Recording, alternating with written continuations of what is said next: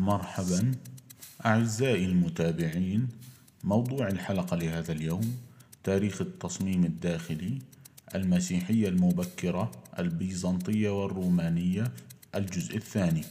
يقدمها الدكتور أحمد أبو هاني تخصص تصميم داخلي حاصل على درجة الدكتوراه في تخصص التصميم الداخلي من أكاديمية ستروغانوف الحكومية في موسكو عام 1996 كما أنه عضو في المنظمات الدولية في مجال التصميم الداخلي وفي لجان التحكيم لتخصص التصميم في العديد من المؤسسات التعليمية. نحن برعاية طهبوب تجربة منزلية مطلقة. نيجي لقسطنطينية. في عهد الإمبراطور جستنيان تم بناء صهاريج كبيرة تحت الأرض لتوفير إمدادات المياه للقصور الرومانية البيزنطية والمباني الأخرى. يوضح هيكلهم ذو الأعمدة المقبب سنة 532 ميلادي المهارات الهندسية للإمبراطورية الرومانية الشرقية. دعا بناء الكنيسة إلى المزيد من الهندسة الجريئة. الكنيسة البيزنطية تم بنائها في عام 527 وتم تحويله إلى مسجد في عام 1453 وهو عبارة عن مساحة مركزية مقببة مثمنة الأضلاع يطل عليها مستوى شرفة تدعمها أعمدة من الرخام الأحمر والأخضر وغالبا ما ينظر إليه على أنه سلف صغير الكنيسة العظيمة التي ستتبع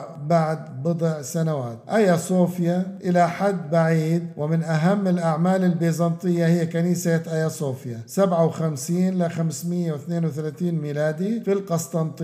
تعتمد المساحة الداخلية الشاسعة والمذهلة لهذا المبنى وكفراغ على الهيكل المصمم بجراءة. لقد درس الرومان مشكلة وضع سقف مقبب على مساحة من أي شكل غير دائري ولكن لم يتم حلها بالكامل ولكن المفتاح السني الإسفين هو عبارة عن إسفين مثلثي منحني الشكل لملء الفراغ بين قوسين متجاورين مبنيين بزوايا قائمة لبعضهما البعض ومنحني بحيث يصبح ربع دائرة في الجزء العلوي منه وهو جهاز تم تطويره من قبل بنات بيزنطيين واستخدامه في آيا صوفيا لدعم القبة المركزية من الطوب بقطر 107 قدم. تمتلئ الأقواس الموجودة على جانبي المساحة المركزية ويتم اختراق الجدران في مستويات الأرض والفراغ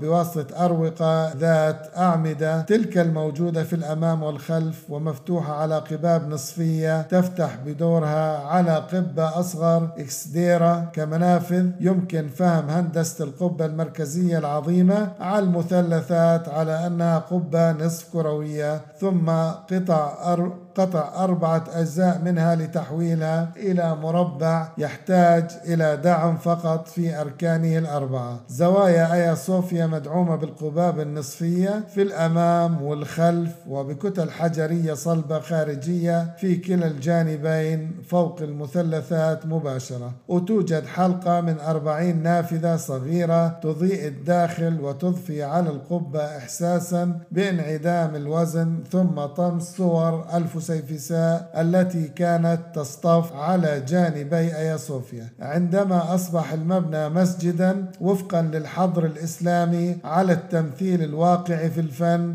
تجمع كنيسة آيا إيرين الأصغر 740 ميلادي بين القبة الداخلية والبازيليكيه بشكل جزئي. احتضنت كنيسة القديس ماركو اللاحقة في القرن العاشر والحادي عشر الميلاديين في البندقية والتي بنيت بخمسة أقباب على مثلثات تغطي الأذرع الأربعة على شكل صليب يوناني ومعبرها المركزي بحاجتها المنحوتة بشكل متقن وتركيبات الشانسل وبطانة داخلية غنية بالفسيفساء ربما يكون هذا هو المثال الأكثر اكتمالا وأفضل على العلاج الداخلي للكنيسة البيزنطية. مباني الكهنة المعاصرة مع الكنائس المسيحية والبيزنطية المبكرة وبقيت على قيد الحياة في مثل هذه الأجزاء والأطلال المحدودة التي يصعب دراسة التصميمات الداخلية فيها. تم بناء الحمامات والقصور الكبيرة من قبل الإمبراطورية الرومانية الشرقية في أعقاب أساليب البناء الرومانية السابقة ولكن لم يبقى شيء على حاله تقريبا كما اختفت المباني السكنية ومباني الأديرة المبكرة إلى حد كبير أو أعيد بناؤها على نطاق واسع وتعود بعض المنازل في البندقية إلى عصر التأثير البيزنطي حيث منازلهم عادة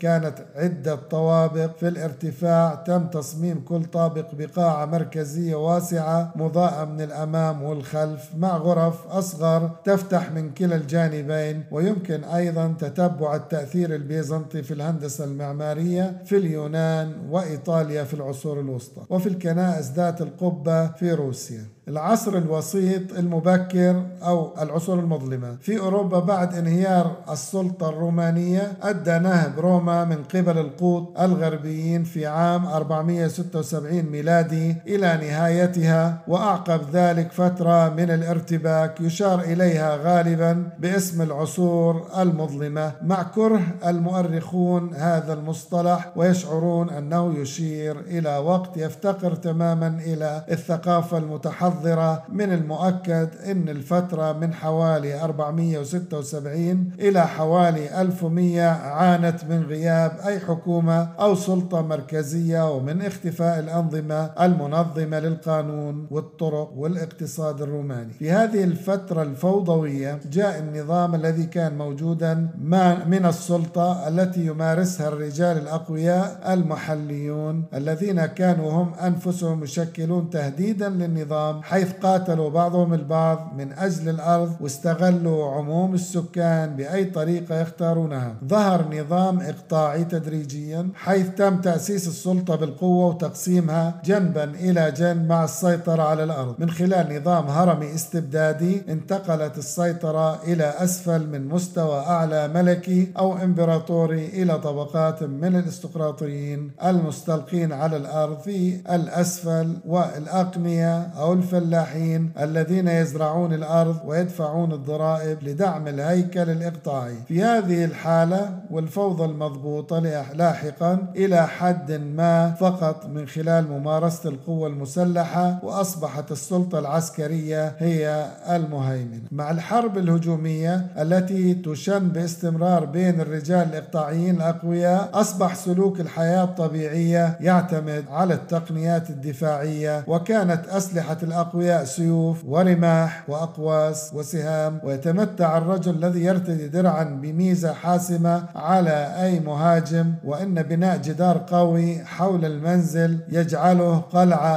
أو حول بلدة أو مدينة وجعل ساكني آمنين نسبيا. يمكن للسيد الإقطاعي الذي يحتل قلعة أن يحمي مدينة مسورة ويؤسس علاقة لمنفعة متبادلة بين الزعيم الوحشي في كثير من الأحيان والمسكن والمستغلين الذين يعيشون تحت حمايته. وأنشأ تطور هذا النمط في أوائل العصور الوسطى قبل الألف ومية ميلادي. سياق التصميم والفن والهندسة المعمارية الذي تم تحديده عادة من خلال التعيين الأسلوبي الروماني. النمط الروماني تم عادة إنشاؤه مع نشأة حاكم الفرنجة شارلمان لإمبراطورية جديدة في أوروبا 768 إلى 814 حيث بدأ ظلام العصور المظلمة يفسح المجال لظهور سلالة جديدة من التنوير في الفنون للتطورات الموازية. في جوانب أخرى من الحياة ويستخدم مصطلح كارولينجيان المشتق من اسم تشارلز لوصف أعمال هذه الحقبة ويمكن اعتباره نذيرا للفن. والعمارة الرومانية مصطلح الرومانسية المشتق من الاستخدام المستمر لجوانب التصميم الروماني القوس نصف الدائري على وجه الخصوص وبعض إصدارات تفاصيل التصميمات الداخلية الرومانية. إنه مضلل إلى حد ما حيث تأثيره على وجود علاقة قوية مع روما وفقدت الإمبراطورية الرومانية وثقافتها وفنها ونسيانها إلى حد كبير في أوائل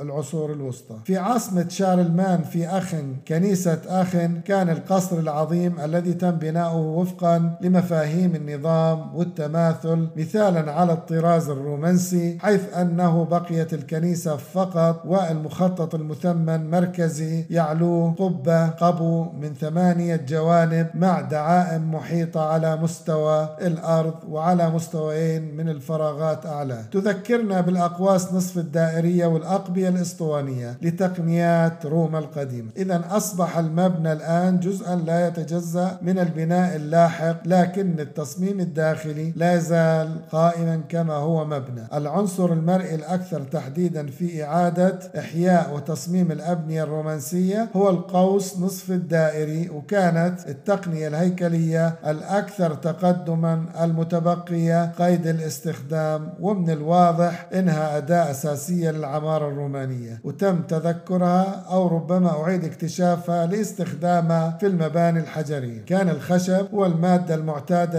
للهياكل اليومية ولم يعد موجودا وكان أكثر المواد شيوعا لبناء الأرضيات والسقوف في المباني الحجرية. ودخلت الخزائن حيز الاستخدام حيث بررت الرغبة في الدوام واستخدامها كان قبو الرومانسيك المبكر. وعبارة عن قبو أسطواني بسيط بشكل نصف دائري دائما. في النهاية تم تطوير أنظمة قبو أكثر تعقيدا ولكن دائما بشكل نصف دائري وغالبا ما تستخدم أقبية العقد البرميلي في وضع سقف حجري فوق صحن الكنيسة الطويل. وهي مشكلة تم التعامل معها بطرق متنوعة خلال عصر الرومانسي. بشكل عام كان من الأفضل خدمة استمرارية الفضاء من خلال قبو أسطواني مستمر مما جعل توفير النوافذ أمرا صعبا وبالتالي أدى إلى تصميم داخلي مظلم. تميل الحلول الأخرى إلى تقسيم الصحن إلى سلسلة من الوحدات المنفصلة تعلوها قبو خاص بها أو تراجعت إلى قبو سقف خشبي. أو قبول سقف خشبي. بصفات عامة محدودة في تورنوس بفرنسا يوجد كنيسة دير سان فيليبرت من 960 ل 1120 صحن أعلى من الممرات المجاورة المقببة والأسقف عبارة عن سلسلة من الأقبية الأسطوانية المستعرضة كل منها مدعوم من قبل جارتها. تارك الجدار الفاصل متاحا للنوافذ الكبيرة ويكسر التأثير الداخلي العديد من الأقبية وحدة الصحن بطريقة تركت هذا النهج تجربة لم تتكرر. يوجد أيضا في سان فيليبرت دهليز أو دهاليز على مستويين يقترب من مفهوم العمل الغربي الألماني وكان من المفترض أن تصبح نهاية المذبح مع حنية محاطة بممر منحني أو متنقل ومع كنائس صغيرة مشعة عنصرا مميزا لمبنى الكنيسة الفرنسية في وقت لاحق. كنائس الألمانية في كورفي on the ويزر في ألمانيا كنيسة دير ميشيل سنة 85 ل 873 هي كنيسة بازيلية ذات ممر صحن. إلى الجسم الرئيسي الموجه للشرق وتمت إضافة وحدة ضخمة تقريبا ومبنى كامل في حد ذاته. في الطرف الغربي الأمامي أصبح هذا العنصر المسمى العمل الغربي أو جزءا متكررا من الكنائس الكارولينجية الألمانية. وأوائل الكنائس الرومانية يمكن ملاحظة تطور المساحات الرئيسة في الطرف الغربي للكنائس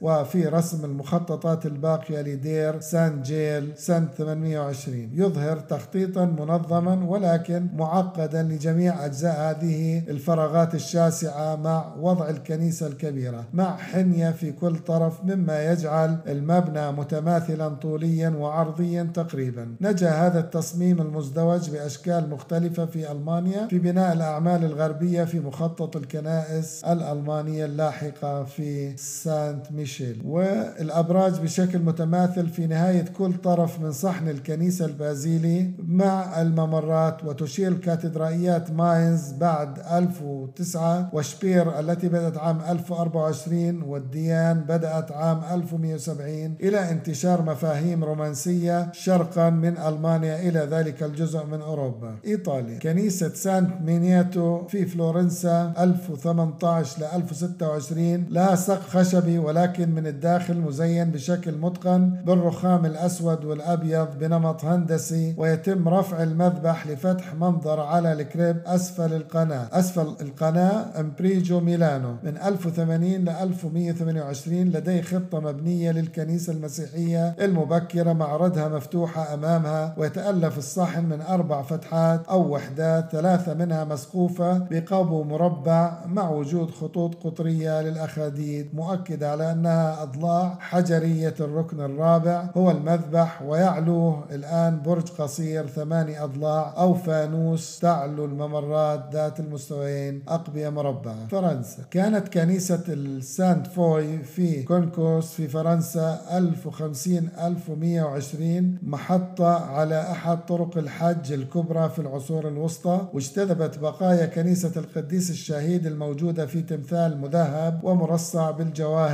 جحافل المصلين على الطريق التقليدي المؤدي إلى كلا الجانبين. الممرات العلوية مغطاة بأقبية نصف أسطوانية ترتفع إلى أعلى الجدران الجانبية للصحن بحيث لا يكون هناك مستوى والنوافذ هناك كبيرة بما يكفي لإضاءة الممرات بحيث تكون أكثر إشراقا من صحن الكنيسة والبرج المثمن ذو القبة فوق المعبر حيث يلتقي أيضا صحن الكنيسة باستثناء تيجان الأعمدة المنحوتة فإن الداخل بسيط ومتقشف على الرغم من أن الكنز الذي جذب انتباه الحجاج الحجاج كان يستع... كان سيعرض في المذبح في تصاعد من الذهب والمجوهرات. عام 1104 كنيسة حج فرنسية أخرى أصبح قوب السقف أكثر تعقيدا تتميز الأقواس التي تفصل الصحن عن الممرات بخلجان تتميز بقوس يمتد على الصحن وبدعم قبو في الجهة العلوية. العقود من الحجر المتناوب الفاتح والداكن ونهاية قناة في بيزيلي هي تاريخ لاحق وهي ذات نمط قوطي. تم تطوير عدد من الأنظمة الهيكلية لبناء الكنائس الكبيرة بالتوازي خلال العصر الرومانسي بيتكون من خمس وحدات مقببة مرتبة في صليب يوناني مشابه لتصميم سانت ماركو في البندقية القرن الثاني عشر. لكن التأثير الداخلي مختلف بشكل لافت للنظر لأن بساطة الحجر المجرد قد حلت محل الثراء الفسيفسائي البندقي. في نورماندي تم اتخاذ خطوة نحو نوع الكاتدرائية من خلال بناء abbey سانت إيتين وكان ب 1060 ل 1081 الذي بناه ويليام الفاتح في كاين للاحتفال بغزوه الناجح لإنجلترا عام 100 1066 الخطة أو المخطط صليب الشكل له شكل صليب لاتيني مع صحن طويل مقبب ومذبح عميق وتوجد ممرات من مستوى علوي فوق الممرات يسمى triforium ومستوى clerestory أعلاه على مستوى القبو الرئيس. الأقبية مربعة الشكل ولكن كل منها مقسوم بقوس متقاطع في مركزها ليتناسب مع تباعد الأعمدة الداعمة أي خليتين لكل قبو رئيسي. مع ضلعين قطري البحريين وينقسم هذا القبو إلى ستة ألواح مثلثة وبالتالي يطلق عليه sexpartite هذا المخطط قريب جدا من التصميم الذي سيصبح نموذجيا للكاتدرائيات القوطية التي ستتبع. في دورهام بتكون الأعمدة البديلة ذات شكل اسطواني بسيط لكنها تحمل نقوشا هندسية مجردة منحوتة وتقريبا كل بتروبور بدأ عام 1118 من نورمان. كما هو الحال مع الجميع ما عدا مذبح إيلي وبتعمل الأسقف الخشبية المطلية بغنى على إخفاء دعامات هيكل السقف الخشبي. الدول الإسكندنافية في الدنمارك السويد فنلندا النرويج على وجه الخصوص نجا عدد من الكنائس الخشبية والمباني الأخرى من حوالي 1000 إلى 1200 سنة وأكثرها لفتا للانتباه هي الكنائس الخشبية الفنلندية. المسمى ستافي الكنائس الستافية. في إشارة إلى الأعمدة الخشبية الكبيرة وجذوع الأشجار الأشجار الكاملة تقريبا التي تشكل السمات الهيكلية الرئيسة لها وكنيسة العصا النموذجية الصغيرة وعادة ما تكون بمخططات أرضية من 30 إلى 50 قدما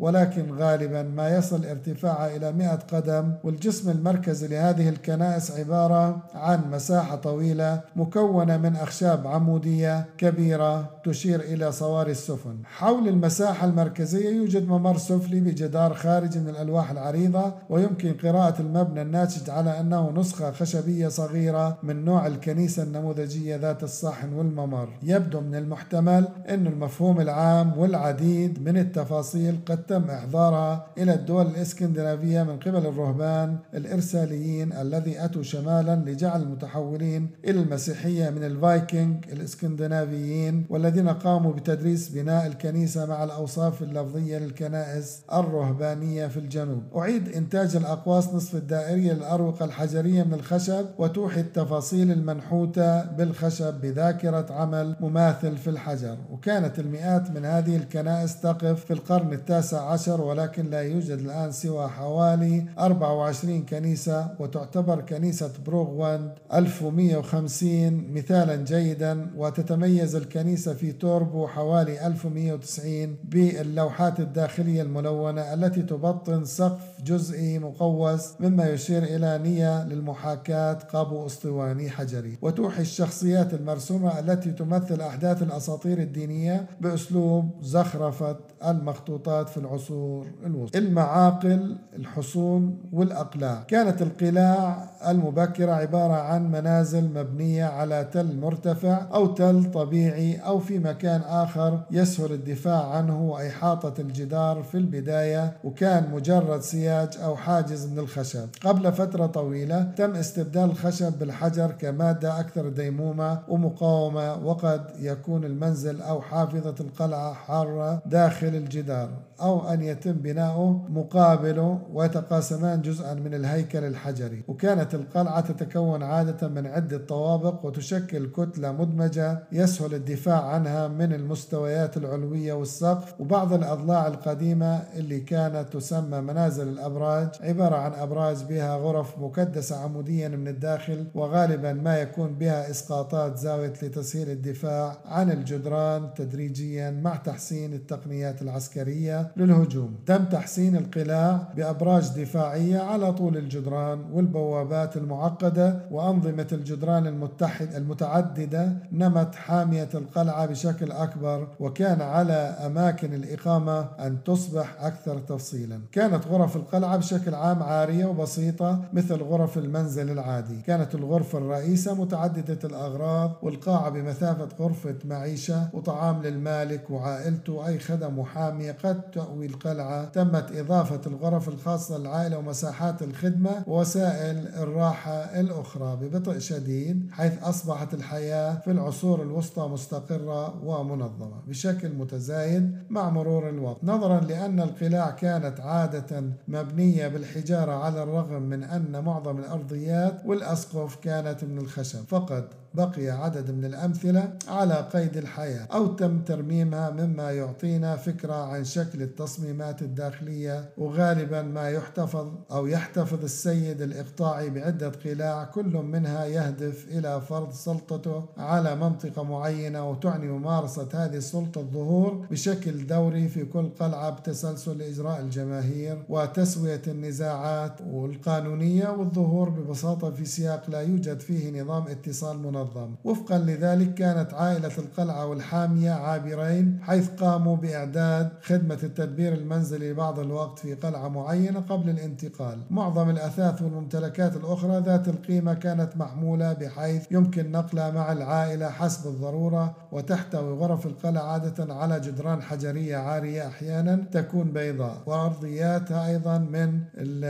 الحجر العاري أو الألواح الخشبية العارية. وسقف خشبي هيكلي ونوافذ صغيرة مشقوقة للحماية ولعدم وجود زجاج متاح لمنع الطقس وقد تحتوي القاعة على موقد للنيران في وسطها مع فتحة دخان في السقف كان الموقد والمدخل من الابتكارات المتأخرة في أحد طرفيه وكان جزء مرتفع من الأرضية المنصة يوفر مساحة منفصلة للطاولة حيث تجلس العائلة والضيوف الكرام. في جسم القاعة كانت الألواح الموضوعة على حاملات مثابة طاولات وأكشاك تقديم وكان الجلوس على مقاعد أو مقاعد إذا كان هناك كرسي على الإطلاق فهو مقعد فخري للرب على طاولة الرأس. في نهاية المطاف ظهرت ظهرت كطريقة لتغطية الجدران العارية وجعلها أقل برودة ومحرمة. وتطورت المفروشات كشكل فني يوفر تغطية جدارية محمولة جنبا إلى جنب مع الزخرفة وكانت النار الرئيسية والمشاعل المحترقة الموضوعة على حوامل أو في أقواس الحائط هي مصدر الضوء في الليل ويوجد في بريطانيا أو إنجلترا عدد من القلاع ذات القاعات السليمة التي يعود تاريخها إلى حوالي 1100 أو 1200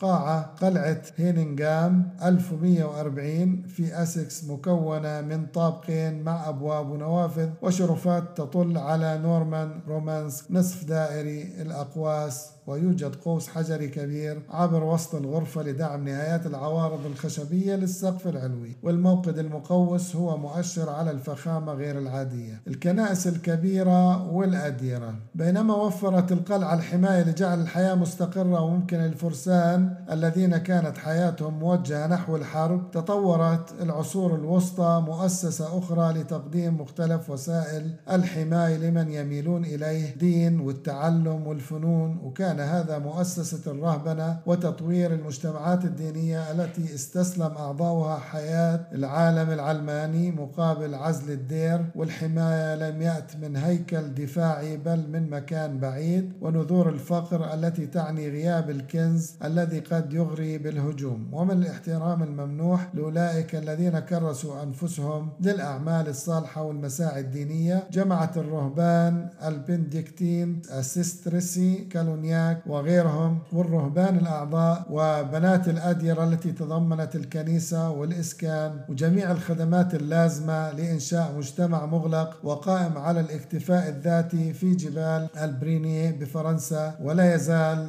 دير سين مارتن سنة 1007 حتى اليوم مجموعة صغيرة من المباني المبنية في موقع يتعذر الوصول إليه تقريبا في أعلى أعالي الجبال. الكنيسة عبارة عن هيكل بازي بازيليكي به ممرات صحن وجانبية مسقوفة بالحجر مع أقبية أسطوانية بسيطة ويتم تقييد الدفع الخارجي لقبو الصحن بواسطة أقبية وممرات تدعمها بدورها جدران سميكة فقط. النوافذ الصغيرة تخترق الجدران السميكة المؤدية إلى الداخل الداكن والأعمدة التي تدعم الأقواس وتفتح بين الصحن والممرات عبارة عن براميل بسيطة ذات تيجان تحمل اقتراحا بسيطا من النوع الكورنثي الكورنثي الروماني. والمجاور الدير ذو الممرات المقنطرة حول ساحة مركزية مفتوحة وعنصر مهم في مخطط الدير. إلى المهجع وقاعة الطعام. قاعة الطعام وغرف أخرى تخدم الوظائف المختلفة للمجتمع بتحتوي الأديرة الاسترسية في لي ثرونيت وسيلفيكان التي بنيت في جنوب فرنسا حوالي عام 1130 على كنائس مقببة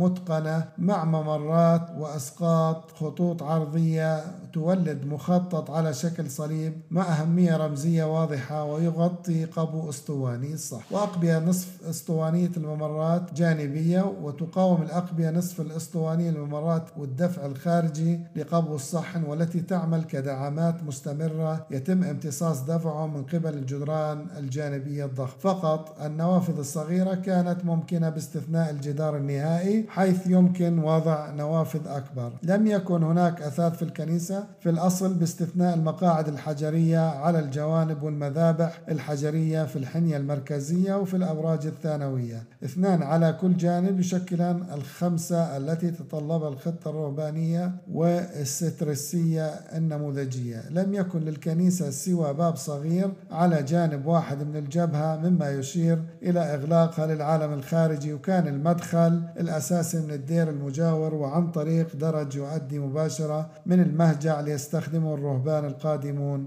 إلى الخدمات الليلية تم استخدام القوب الحجري لسقف الغرف الرئيسة الأخرى والممرات المحيطة بالأديرة والأعمال الحجرية المقطوعة والمجهزة بعناية. ذات جمال رائع على الرغم من عدم وجود زخرفة تقريبا. في المهجع الجماعي كان لكل راهب مساحة مظللة لسريره لكن تصميم هذه العناصر لا يمكن دراسته إلا في الرسوم التوضيحية المرسومة التي تظهر في بعض المخطوطات المضيئة في ذلك الوقت. المنازل والأقنان الذين يعملون في الأرض يعيشون في منازل خشبية بسيطة تشبه الصناديق في غرفة واحدة يعلوها سقف الجملون وأمثلة قليلة على قيد الحياة في الدول الإسكندنافية حيث غالبا ما كان الخشب يتم تغطيته بالقطران وفقا لممارسات بناة السفن. وهناك أمثلة لمباني مز مزرعة بسيطة من النوع الذي يجب أن يكون شائعا في العصور الوسطى مع عدم وجود زجاج للنوافذ وكانت المساحات الداخلية مظلمة بشكل عام مع استبدال لبعض مواد البناء المستخدمة في كل من التدفئة أو الطهي. وغالبا ما كان المنزل عبارة عن حظيرة بالإضافة إلى سكن حيث يتقاسم الأشخاص والحيوانات مساحة مشتركة أو مع الحد الأدنى من الفصل حيث كانت حجارة الحقل متاحة بسهولة. كانت جدران المنزل غالبا من الحجر مع أسقف من عدة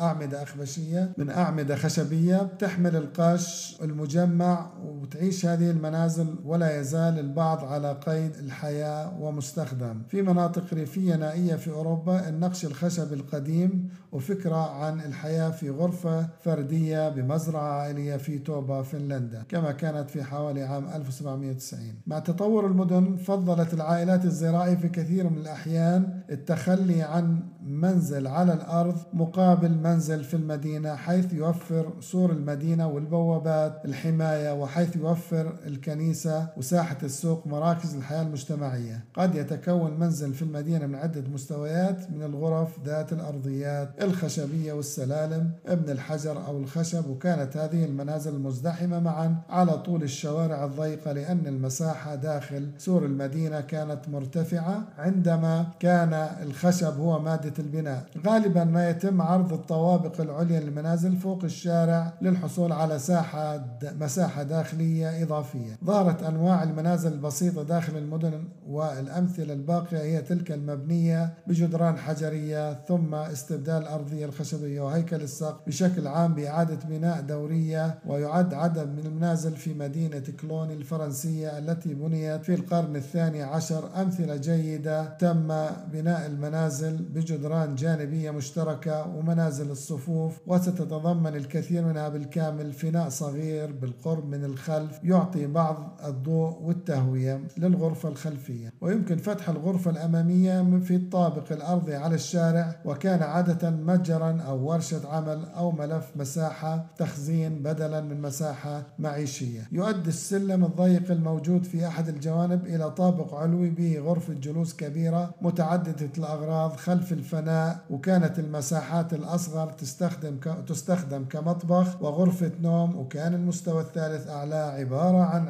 علية أو دور علوي يستخدمه الأطفال أو الخدم أو العمال أو للتخزين وكان مصدر المياه بئر في الفناء. في الداخل لم يكن منزل في البلدة مختلفة عن كوخ المزرعة باستثناء أنه خشبي وناتج عن إطار من أعضاء خشبية أو أجزاء خشبية ثقيلة. مع حشو بين الأجزاء الخشبية للجص والركام لم يكن ترف التصميم الداخلي المغطى بالخشب أو الجص غير معروف في أوائل العصور الوسطى وجاءت من الآبار المحفورة أو النوافير المستخدمة بشكل جماعي وكانت تجري مياه الصرف والصرف الصحي في مزاريب مفتوحة مما جعل الصرف الصحي في المدينة غير ملائم بشكل خطير وكان متوسط العمر المتوقع قصير بمتوسط أقل من 29 عام. مع انتشار الأوبئة قد يتم الاستحمام حيث حدث في حمام مشترك وهي رفاهية اختفت مع نسيان العادات الرومانية ولكن أعيد تقديمها إلى أوروبا في وقت الحروب الصليبية عندما تم إعادة كلمة عادات الاستحمام الإسلامية من خلال العودة والصليبيون غالبا ما كانت بيوت الحمام أماكن للتجمع الاجتماعي وتميل إلى النظر إليه بشكل خافت من قبل سلطات الكنيسة بسبب ارتباطها بالعري والحرية الجنسية الممكنة الفعلية في كثير من الأحيان. وكان الاستحمام الخاص في بعض الأحيان عبارة عن حوض خشبي مجرد نصف برميلي ويمكن ملئه بالماء الدافئ للغسيل وبالمعنى الحديث لم تكن معروفة في القلاع. كانت توجد أحيانا غرف صغيرة بسمك الجدران أو بارزة من الجدران التي كانت بمثابة حمامات مع التخلص من النفايات ببساطة من خلال الفتحات أو المزالق في الخندق أو المجرى المجاور أو المزراب. الأثاث والمفروشات الداخلية الأخرى تأتي أدلتنا على التصاميم الداخلية في العصور الوسطى المبكر أساسا من المخطوطات والكتب المضيئة مع وجود القليل من الممتلكات للتخزين وكان أثاث التخزين بطيئا في التطور حيث كان الصندوق الذي كان عموما عبارة عن صندوق رفع بسيط مكانا لحفظ الأشياء للت... والمطلوب المطوية من الملابس في الكنائس كانت الصناديق تحتوي على قطع أثرية ثمينة وتخزين أدوات طقوس كانت غالبا من الذهب والمجوهرات. تمت إضافة زخرفة سطحية منحوتة إلى هذه الأشياء وفي أكثر حالاتها تفصيلا فإن المعالجة السطحية بالذهب والمجوهرات قد تجعل الصندوق ذا قيمة مثل المواد التي يحتوي عليها ويعتبر الخزان الزخرفي الغني في كونكوس مثالا محفوظا جيدا لهذا النوع كان صندوق بسيط وسمة قياسية لكل كنيسة كحاوية لجمع الأموال بالنسبة للعائلة الإقطاعية القوية التي انتقلت من قلعة إلى أخرى وكان الصندوق بمثابة أمتعة فضلا عن معدات التخزين. تطور تطوير الأقفال والمفصلات وتعزيزات الزوايا من الحديد تدريجيا كوسيلة لجعل الصناديق آمنة في وقت لم تكن في بنوك بأقبية لحفظ العملات المعدنية وغيرها من الأشياء الثمينة. ويمكن وضع الصناديق بجانب السرير أو أسفله أو على الحائط. وربما مع وجود وسادة في الأعلى تصبح مفيدة للجلوس كبديل للمقعد. والمقعد كانت الصناديق تصطف أحيانا على طول جدران الغرفة لتشكيل مخزن متعدد الأغراض ومرفق للجلوس. وغالبا ما كانت تصاميم الكراسي المبكرة نتيجة لتعديل بناء الصدر. يمكن تعديل صندوق بحجم يجعل مقعد لشخص واحد عن طريق إضافة امتداد لأعلى لتشكيل ظهر وتمديدات أخرى محتملة لتشكيل الذراعين لإنشاء كراسي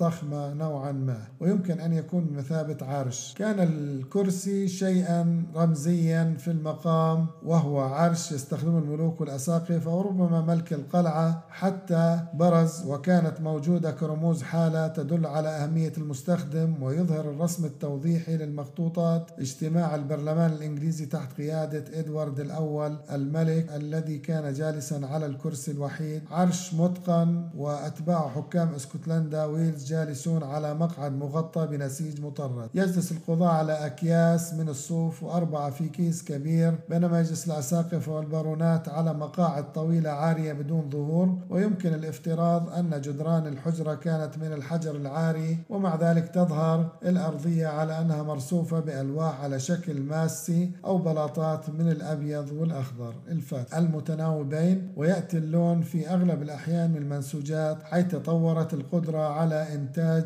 العديد من الأصباغ. تم استخدام الألوان الواضحة والمشرقة للملابس بينما تظهر في صور الديكورات الداخلية في أغطية مقاعد بديلة عن الطاولات وفي تعليق الحائط وفي الستائر. لم يتم معالجة النوافذ بالستائر ولكن تم استخدام الستائر لإعطاء بعض الخصوصية للأسرة. توفير مساحة محدودة وربما للتحكم إلى وضعية معينة وكانت الستائر ببساطة عبارة عن ألواح من القماش ذات حلقات من القماش أو حلقات معدنية للسماح بالتعليق مع أو ضمن قضبان بطريقة ستارة الحمام الحديثة. حتى هذه الكماليات المحدودة ربما كانت متاحة فقط للاستقراطيين وكان على عامة الناس الاكتفاء بالجدران العارية والمقاعد ذات الأرجل المثبتة والألواح على الحوامل مثل الطاولات وألواح الخبز الأطباق والأكواب أو الأواني الفخارية لشرب السوائل وتخزينها. شكلت درجات الرمادي والبني للمنسوجات غير المصبوغة وألوان الخشب غير المطلي والجدران الحجرية والأرضيات أو الأحجار أو بلاط الأرضيات العارية. مجموعة الألوان الأكثر شيوعا من الألوان المحايدة والتي تم تخفيفها من خلال الألوان العرضية المصبوغة بألوان زاهية للملابس واقتصرت الإضاءة الاصطناعية بشكل عام على الشموع المستخدمة في الكنائس ومساكن الأغنياء وكانت الشموع عادة من الشحم وكانت تلك المصنوعة من شمع العسل رفاهية رائعة وكانت المصابيح مجرد فتائل من الحبل تطفو في وعاء تطفو في وعاء من السمك أو الزيت النباتي. في منازل عامة الناس كان الضوء عموما هو ضوء النهار مهما وكان الضوء الذي قد يأتي من نار مكشوفة يأتي الماء من أبريق أو إبريق أو دلو مملوءة في بئر ويصب في حوض الغسيل أو في قدر للطهي حسب الحاجة. وبنأتي على الروماني والإسباني. في إسبانيا بشكل وثيق مع مبنى مشابه في فرنسا تتبع أديرة سانتاس كريوس 1157 القرن الثاني عشر ممارسات السيستريسية النموذجية في جنوب فرنسا في المخططات والتفصيل. تكون الأقبية البرميلية لقاعة الطعام والأقواس التي تمتد عبر المهجع لدعم سقف خشبي كلاهما من القرن الثالث عشر مدببة قليلا مما يثير تساؤلا عما إذا كان هذا قد يعكس وعيا بالممارسات المغربية أم أنه مجرد تلميح للتحرك نحو الممارسة القوطية في العصور الوسطى المتأخرة في كنيسة إسدورو في ليون على الرغم من أن المفهوم والتفاصيل هما نموذجان بشكل عام لتصميم الرومانسية الفرنسي فمن الممكن ملاحظة أقواس الممرات التي تخلق أشكال حذوة حصان وحيث تنضم القباب المقببة الإسطوانية إلى الصحن ذي القبب الإسطوانية التي لها حواف متعرجة صدفية وتلميح قوي الممارسة المغاربية في هذه التفاصيل وفي استخدام زخرفة قوية منقوشة بشكل تجريدي يعكس التصميم الإسباني وهذا التأثير الخاص يمتد حتى إلى الأعمال اللاحقة للعصر القوطي وشكرا لحسن الاستماع. قدم هذه المادة الدكتور أحمد بوهاني. تابعونا كل سبت الساعة الرابعة بتوقيت القدس على كافة المنصات السمعية. كان معكم محمد الرنتيسي من بودكاست ال Creative Center.